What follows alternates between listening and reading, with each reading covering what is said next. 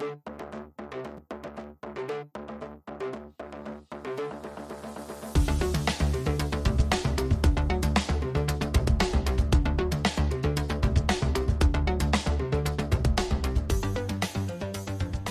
och välkommen till säsongens femte episode av Spökelser efter avdöde störelser. Och idag är det som vanligt det här semestret jag, Niklas Larsson.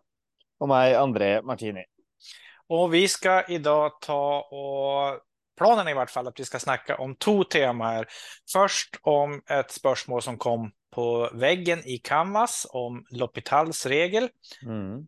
Och eh, därefter ska vi se lite på den här projektuppgaven som det som tar ämnet har fått. Yes. Och eh, L'Hôpital, André, du har ju snackat en del om regeln den här uken eller var det förra uken? Eh, det var väl förra uken. Och eh, det är ju något som kommer tillbaka då när man vill finna gränsvärdier. Och, och själv om du snackar nog så mycket om den då så tänker vi att vi tar den trots allt då för att vi har fått ett spörsmål på väggen Mm. om den. Och vad kan man bruka då L'Hôpitals regel till? Nei, det er jo det her når man har eh, ser på en grense hvor det er en FAX delt på GAX, og, og det er ikke alltid sånn at de er så å, å ja, avgjøre hva grensa går mot, så er Loppital eh, sånn sett et, et verktøy i verktøykassa vår, kan vi si. Som kan hjelpe oss med det hvis vi har visse kriterier som er oppfylt. da. Ja, man ser ju att det finns två versioner av Loppitals eh, regel då och, och den ena versionen handlar ju då om när teller och nämner går mot eh, null, bägge två, så vi får null del på null. Eh, och den andra handlar om när teller och nämner går mot oändligheten, så vi får oändligheten delt på oändligheten. Yes. Eh, men eh, i, i princip så kan man väl säga att man kan hantera de här på samma måte. Mm, mm. Så idén här är då att om vi har en kvotient som går mot, vi vi tar tillfället 0 över 0, eh, så kan då gränsvärdien till den där kvotienten då x gå mot ett eller annat tal som gör att det blir eh, 0 över 0. Den kan eventuellt räkna ut istället då att man ser på gränsvärdien till kvotienten av det deriverade till tellaren av nämnaren. Mm, mm. Eh, Så har vi x går mot ett eller annat som gör att fx går mot 0 och gx går mot 0 och så ska vi se på gränsvärdin till fx delt på gx. Då kan vi alltså testa och istället se på gränsvärdin eh, mellan f-deriverat x och g-deriverat x när x går mot det här tallet. Stämmer det? Det stemmer, ja. Och här finns det ju då en fälla, tänker jag. När vi ska derivera, då vi har fx delt på gx och så ska vi, söker vi den deriverte. Vilken fälla är det som typiskt finnes här? Jeg ser jo egentlig for meg to, men eh, den eh, kanskje åpenbare er at den deriverer feil, og at den faktisk deriverer f eh, delt på g, eh, og bruker kvotientregelen. Ja, det var den jag tänkte på. Men du såg en till. Ja, eh, en må vel også passe på at eh, en faktisk får null delt på null eller uendelig delt på uendelig eh, når man skal gjøre det her. Så en kan ikke bruke L'Hôpital når som helst, eh, selv om grensa er litt vanskelig å betrakte. Nej, så de vill- villkoren var ju var uppfyllt då för man ska göra. Ja. Mm, mm. Men om man då får null del på null eller oändligheten delt på oändligheten när x går mot det här talet man söker gränsvärdien vid. Eh, I så tillfälle ska man alltså derivera teller för sig och nämner för sig. Så att man Ja. icke deriverar med kvotientregeln. Då blir det galet. Mm, mm. L'Hôpitals regel då. Eh, är det en garanti att det existerar en gränsvärdi? Nei, så, så det er vel også et av på en måte kriteriene i L'Hôpital da, at den eksisterer for at du kan si at, eh, at grenseverdien er denne hvor du bytter ut med de deriverte. Men ofte i praksis så vil en jo da derivere for å se om grenseverdien eksisterer, for så å si at den originale grenseverdien eksisterte. Ja, så det är ju, vi vet ju icke i utgångspunkten när vi har gränsvärdin för fx delt på gx om det faktiskt existerar en gränsvärdi. Det är det ju icke alltid det gör. Nej. Eh, Så, så det finns ju definitivt då icke en, en garanti för att gränsvärdin existerar. Men säg då att den här gränsöverlin faktiskt existerar. Det, det finns en gränsöverlin, det kan man ju kanske testa med några uträkningar och se att det finns. Eh, kan vi då alltid bruka loppital för att finna den? Om jag förstod det riktigt nu så kan man väl det, ja. Men det kan vara jag missförstod. Ja, alltså jag tänker att själv om en gränsöverdi existerar så du kan ju alltid testa att bruka L'Hopital, men det är ju inte alltid säkert att L'Hopital ger eh, ett resultat. Va? Nej, nu, nu är jag med. Nu är jag med. Ja. Mm. Nej, och, och, en av de tingene man ser som kanske är det jag syns är det morsomste med L'Hopital, är den här eh, Det kan ju vara du får en ny gräns som eh, verkar helt ohanterbar och så tänker du ja, men det är ju null på null igen, så ja. du kan genta, eh, alltså iterera den processen och till slut ända upp med ett eller annat och så kan du reversera hela grejen med att säga att okej, okay, om denna gränsen går mot si fem så må ja, när du går upp ett hack så är det fortsatt fem och så när du går upp ett hack så är det fortsatt fem när gränsen går mm. mot och så kommer du där i mål.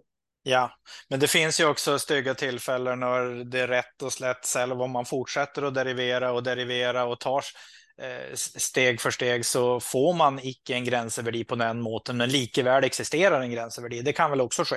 Ja, det ska väl vara möjligt. Ja, ja så att L'Hopital är ju alltså icke en garanti för att vi finner gränsvärdin. Eh, så själv om, om det akkurat eller faktiskt finns en gränsöverdi till eh, det upprinneliga uttrycket, den upprinneliga kvotienten, så är det inte säkert att vi kan bruka L'Hopital för att finna den. Vi kan Nej. alltid testa, men eh, ja, om det är null över null eller ja, om villkoren är uppfyllt. Men eller, eh, testa kan vi göra, men det är inte säkert att vi får ett resultat. Mm. Det L'Hopital säger att om vi får ett resultat vid att derivera teller och nämner för sig och att vi då finner en gränsöverdi, då är det den detsamma som gränsöverdi vi söker. Mm. Eh, när är det lurt att bruka L'Hopital? Egentligen alltid kanske att testa, men. Ja, det är väl eh, varje gång en uh, möter i alla fall dessa typ, typiska obestämda formerna null på null uh, och oändlig del på oändlig. Och så har vi ju då i teamet sett att uh, vi kan ju också trixa oss ved å bruke at f.eks. LN är kontinuerlig, så kan eh, man trikse jo typ én oppid uendelig. Eh, typisk eh, eh situasjon hvor det bør ringe noen lopitalbjeller. Eh, og også disse uendelige ganger null kan man også trikse seg om til å bli null delt på null. Så det er mange sånn litt annerledes typer ubestemte former som en kan trixa sig till null på null eller oändlig på oändlig. Ja. Och sen har man ju någon enklare tillfälle då det är när, när polynomfunktioner på någon måte är inblandat, men både teller och nämner går mot null. Eh, så vet vi att deriverar vi polynomfunktioner länge nog så får vi till slut ett konstant tal. Ja. Så där kommer man ju då sannolikt att kunna finna resultatet. Mm. Eh, så polynom, är det en polynomfunktion, alltså ett rationalt uttryck, så det är polynomfunktion både i teller och nämner, då finns det ju andra metoder som kanske är lättare. Men det går kanske att se för sig då att derivera bara länge nog så kommer jag få ett tall delt på ett tall. Ja. Och, och då finner jag förhoppningsvis gränsvärdin. Ja. Men vi har ju också den här klassiska sinus x delt på x eh, när x går mot noll då. Mm. Den blir ju, eh, den gränsen blir ju en. Den är ju väldigt lätt att lösa när man har L'Hopital som eh, verktyg. För deriverar man sinus x då tällaren så får man cosinus x.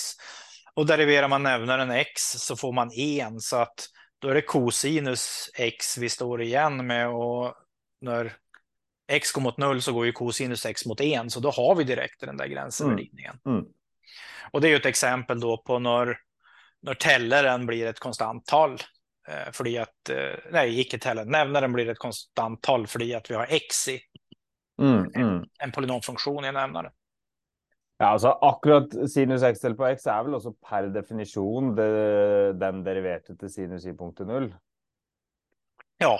Så att uh, Um, En må jo selvfølgelig vite hva sinusderivert er for å kunne bruke L'Hopital, eh, men hadde du hatt noe annet som sinus 2x delt på 3x, så tror jeg da er det i hvert fall enda tydeligere at det er veldig lett fortsatt med hjelp av L'Hopital, mm. Eh, med akkurat samme ideen, men da har vi i hvert fall gått litt vekk fra nøyaktig den ja. deriverte. Yes. Akkurat. Så för att uppsummera så är alltså L'Hopitals regel, det är ett, ett verktyg som kan hjälpa oss att finna en gränsvärde till en kvotient där eh, teller och ämne går mot noll bägge två eller mot oändligheten. Eh, när x går mot ett eller annat tal, jag tränger ju inte vara x, men ofta säger vi x.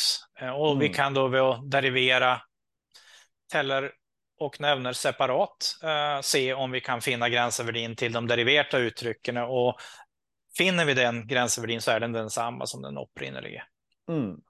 Men det är inte säkert att L'Hopital hjälper och gränsvärdin kan existera själv om eh, vi icke, icke L'Hopital hjälper oss. Mm, mm. mm. Eh, då har vi i vart fall diskuterat lite om L'Hopital. Eh, om vi ser på projektuppgaven då, och här, eh, det som icke tar det här ämnet nu blir det ändå vanskligare att hänga med här, för att vi kommer att snacka om eh, något som ligger i Canvas för ämnet. Mm. Men eh, det är ju främst här på höstsemester att det ska vara stötte till MA183, så det är väl icke något rart med det. Den här projektuppgaven den handlar ju då om eh, Eh, Eh, vi kan väl uppsummera vad det handlar om eh, för de som hör på utanför kurs. Att det handlar om att man knuser ett eller annat material och sen så tar man ner det i vann eller en väska eh, och får en separation med hjälp av att en, väskan går emot med någon typ av ström där. Mm, mm diametern på partiklarna, men framför allt densiteten på partiklarna då avgör vilka partiklar som går till bunn och vilka som eh, icke går till bunn eh, för att de följer med väsken istället. Och så gäller det att finna rätt eh, hastighet på väsken och så vidare. Mm, mm. Den här uppgaven, nu kommer det en del programmering i slutet, men vi tänker väl lika att se på det nu. Men det, det handlar ju då om fysik eller mekanik och matematik i en kombination kan man säga. Ja, men ser man på den här uppgaven specifikt så tänker jag fysiken ligger ju mycket mer i bakgrunden för det att Vettle som har lagat uppgaven eh, han presenterar ju nästan alla formler och all den fysikkunskap man tränger för att göra det här. Det stämmer. Ja. Altså, det, er jo, det er jo ment at mekanikken på en måte ikke skal være eh, et hinder eh, i den oppgaven. Så derfor har vel Vettle gjort det på den måten. Ja, Eh, så alla de här formlerna som finns i uppgaven, det är ju där egentligen som fysik eller mekanikkunskapen kommer in. Men självföljligt är det ju lättare att lösa en uppgave om man också är känt med ämnet som ligger bak. Men det ska väl vara möjligt att lösa de här bara genom att se på det rent matematiskt i de allra flesta tillfällena. Ja, det vill jag säga. Men första uppgaven då, där, där tränger man faktiskt lite fysikkunskap. Då man, ska, man har en kuleformad partikel med diameter d och täthet, eh, ja, rå P kallas det. Och så ska man räkna ut massan till partikeln. Yes. Och den formeln blir då icke uppgitt. Nej. Eh, och vi tänker väl inte ge den formeln heller, men den tror jag att de allra flesta har eh, jobbat med kanske allerede i grundskolans fysik. Ja, om inte så tror jag en uh, kjapt Google-sök vill uh, hjälpa, hjälpa mer än nog. Ja, så att eh, hvordan räknar man ut massan till en partikel eh, när man känner tätheten? Eh, vad är det man tränger att vita då? Ja, det avhänger ju självföljligt hur stor partikeln är. Och här är diametern känd, så då kanske man kan ana då vad man räknar ut. Mm.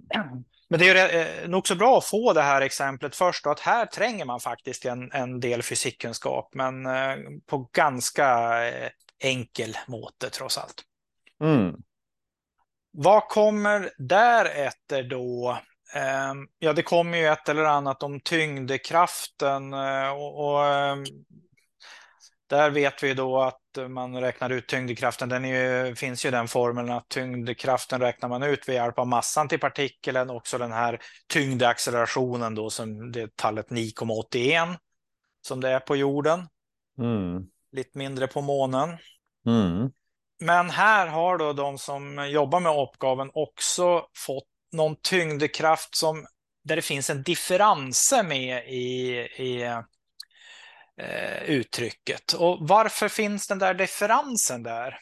M lik eh, rå P minus rå gånger V. Här kan man ju också, om man är lite lur, så kan man eh, faktiskt ana svaret på det där första spörsmålet som vi ställde om hur man räknar ut massan till en partikel. Men här ser man ju på eh, massan till partikeln relativt att den ligger i väsken då, eller i vann. Mm. Så att det blir någon, på någon måte att Archimedes princip här är involverat. Så att eh, eh, det är rätt och slätt tyngdkraften för den här partikeln när den ligger i, i vann, om man säger det så. Eller den kraft som går nedover när den ligger i, i vann. Ja. Eh, och, och, den blir ju, tyngdkraften är ju självföljande lika stor, men så blir det ju den här flytkraften då som går upp över. Eh, mm, och, mm. och, den avhänger ju då densiteten till vann eller om man har någon annan väske.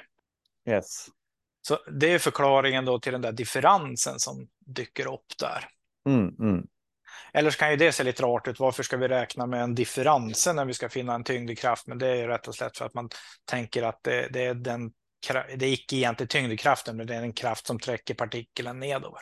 Mm, mm. Eh, Eh, sen har man då ett efter uppgave en så är det ett eller annat om eh, en F där man räknar ut någon kraft då, och det är en friktionskraft.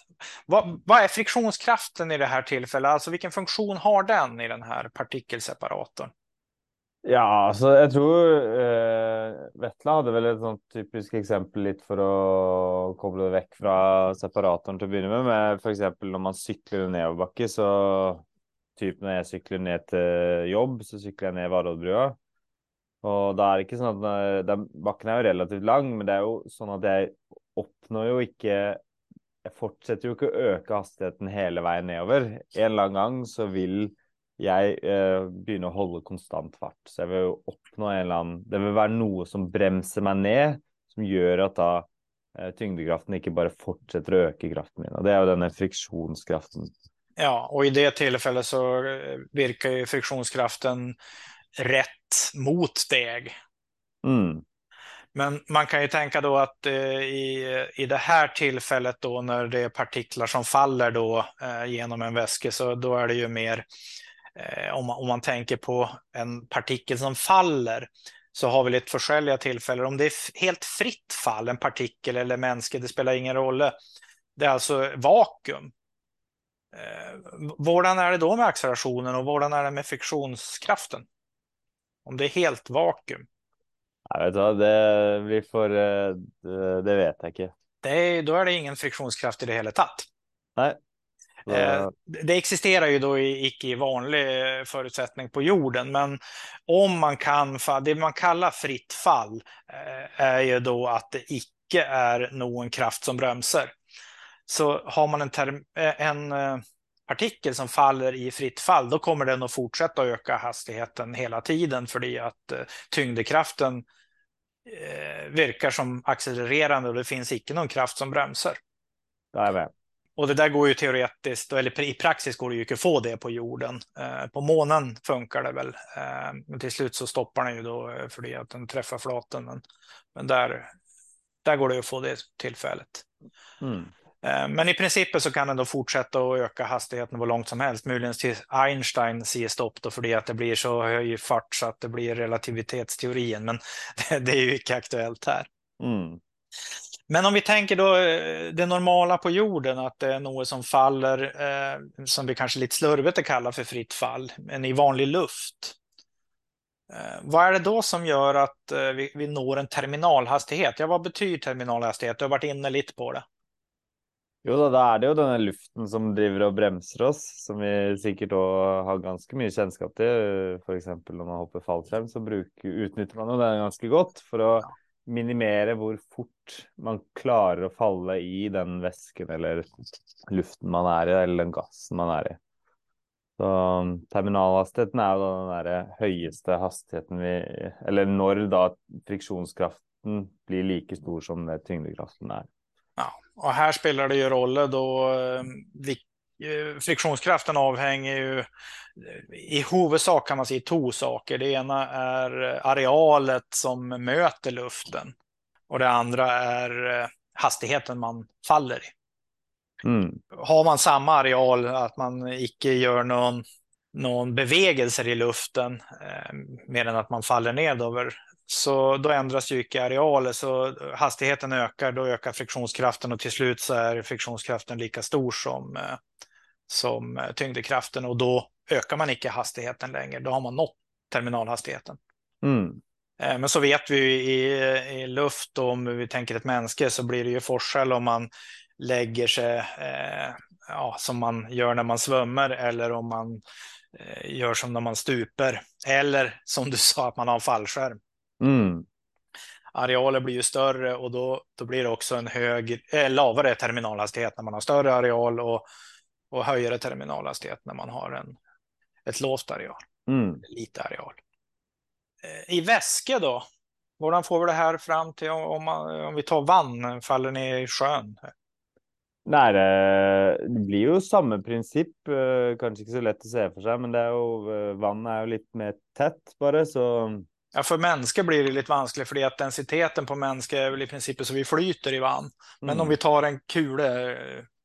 Ja, jag har i alla fall bilder för mig, så jag ser för mig att många har liksom sett för sig en sten falla ner ganska långt i ett vatten, kanske varit på ett, jag vet inte, ett akvarium eller dyka eller något, så sett någon kasta ner en sten. Och den synker ju, men den synker ju inte lika fort som man ville sett för sig. I, eh, i luft. Mm, så på en eller annan måte så uppnår den terminalhastigheten sin lite tjappare och så eh, får den inte lika stor fart. Nej, och här är ju arealet det är ju detsamma på Stein. eller om det är en kula framför allt. En Stein kan ju möjligen vara lite eh, uh, oregelmässig så att det blir forsell i vår, vår, avhängig av hur den faller. Men om vi tar en kula så är ju den kan ju inte ändra sitt areal. Så handlar det ju då om att eh, det är ett eller annat med vannet och väskan som gör att det stoppar upp mer där än vad det gör i luft. Mm. Eh, så då når ju stenen då, eller kulan, en terminalhastighet ja, tidigare. Den är mm. lavare terminalhastigheten. Och, och, det är det det bygger på då, den här idén med separatorn, att eh, istället för att man lär alla partiklar, man tänker väl att partiklarna är omtrent kuleformade, alla, istället för att låta alla partiklarna falla till bunn så möter man dem med att låta väskan beväga sig. Mm. Och om man tänker sig själv då som en kuleformad partikel, så om jag faller ner genom väskan, då kommer jag till slut att få en terminalhastighet. Då uppfattar jag ju egentligen bara eh, vårdan jag faller med hänsyn till väskan. Mm. Om väskan då begynner att strömma mot mig så kanske jag egentligen inte uppfattar det för jag, eh, jag bara följer ju att jag hamnar i den här väskan likväl. Jag, jag kanske inte uppfattar att jag till slut eh, slutar att falla men bara ligger där i, i konstant eh, position för att det är väskan går mot mig med samma hastighet som är min terminalhastighet. Mm. Och det är ju här vi har idén då att det bygger på att det är olik terminalhastighet för olika material. Att kan vi då möta de här partiklarna med en hastighet som gör att för en del material så är terminalhastigheten större än väskan, strömningen, hastigheten hos väskan och för andra partiklar så är den mindre. Mm. Då kan vi få de ena ena typen partiklar går till toppen och de andra till bunn och på, på den måten kan vi separera. Då. Yes. Och det är väl gärna det hela den första biten med regning går ut på, liksom finna ut av hurdan, hurdan kan vi avgöra när ting... Ja. ja.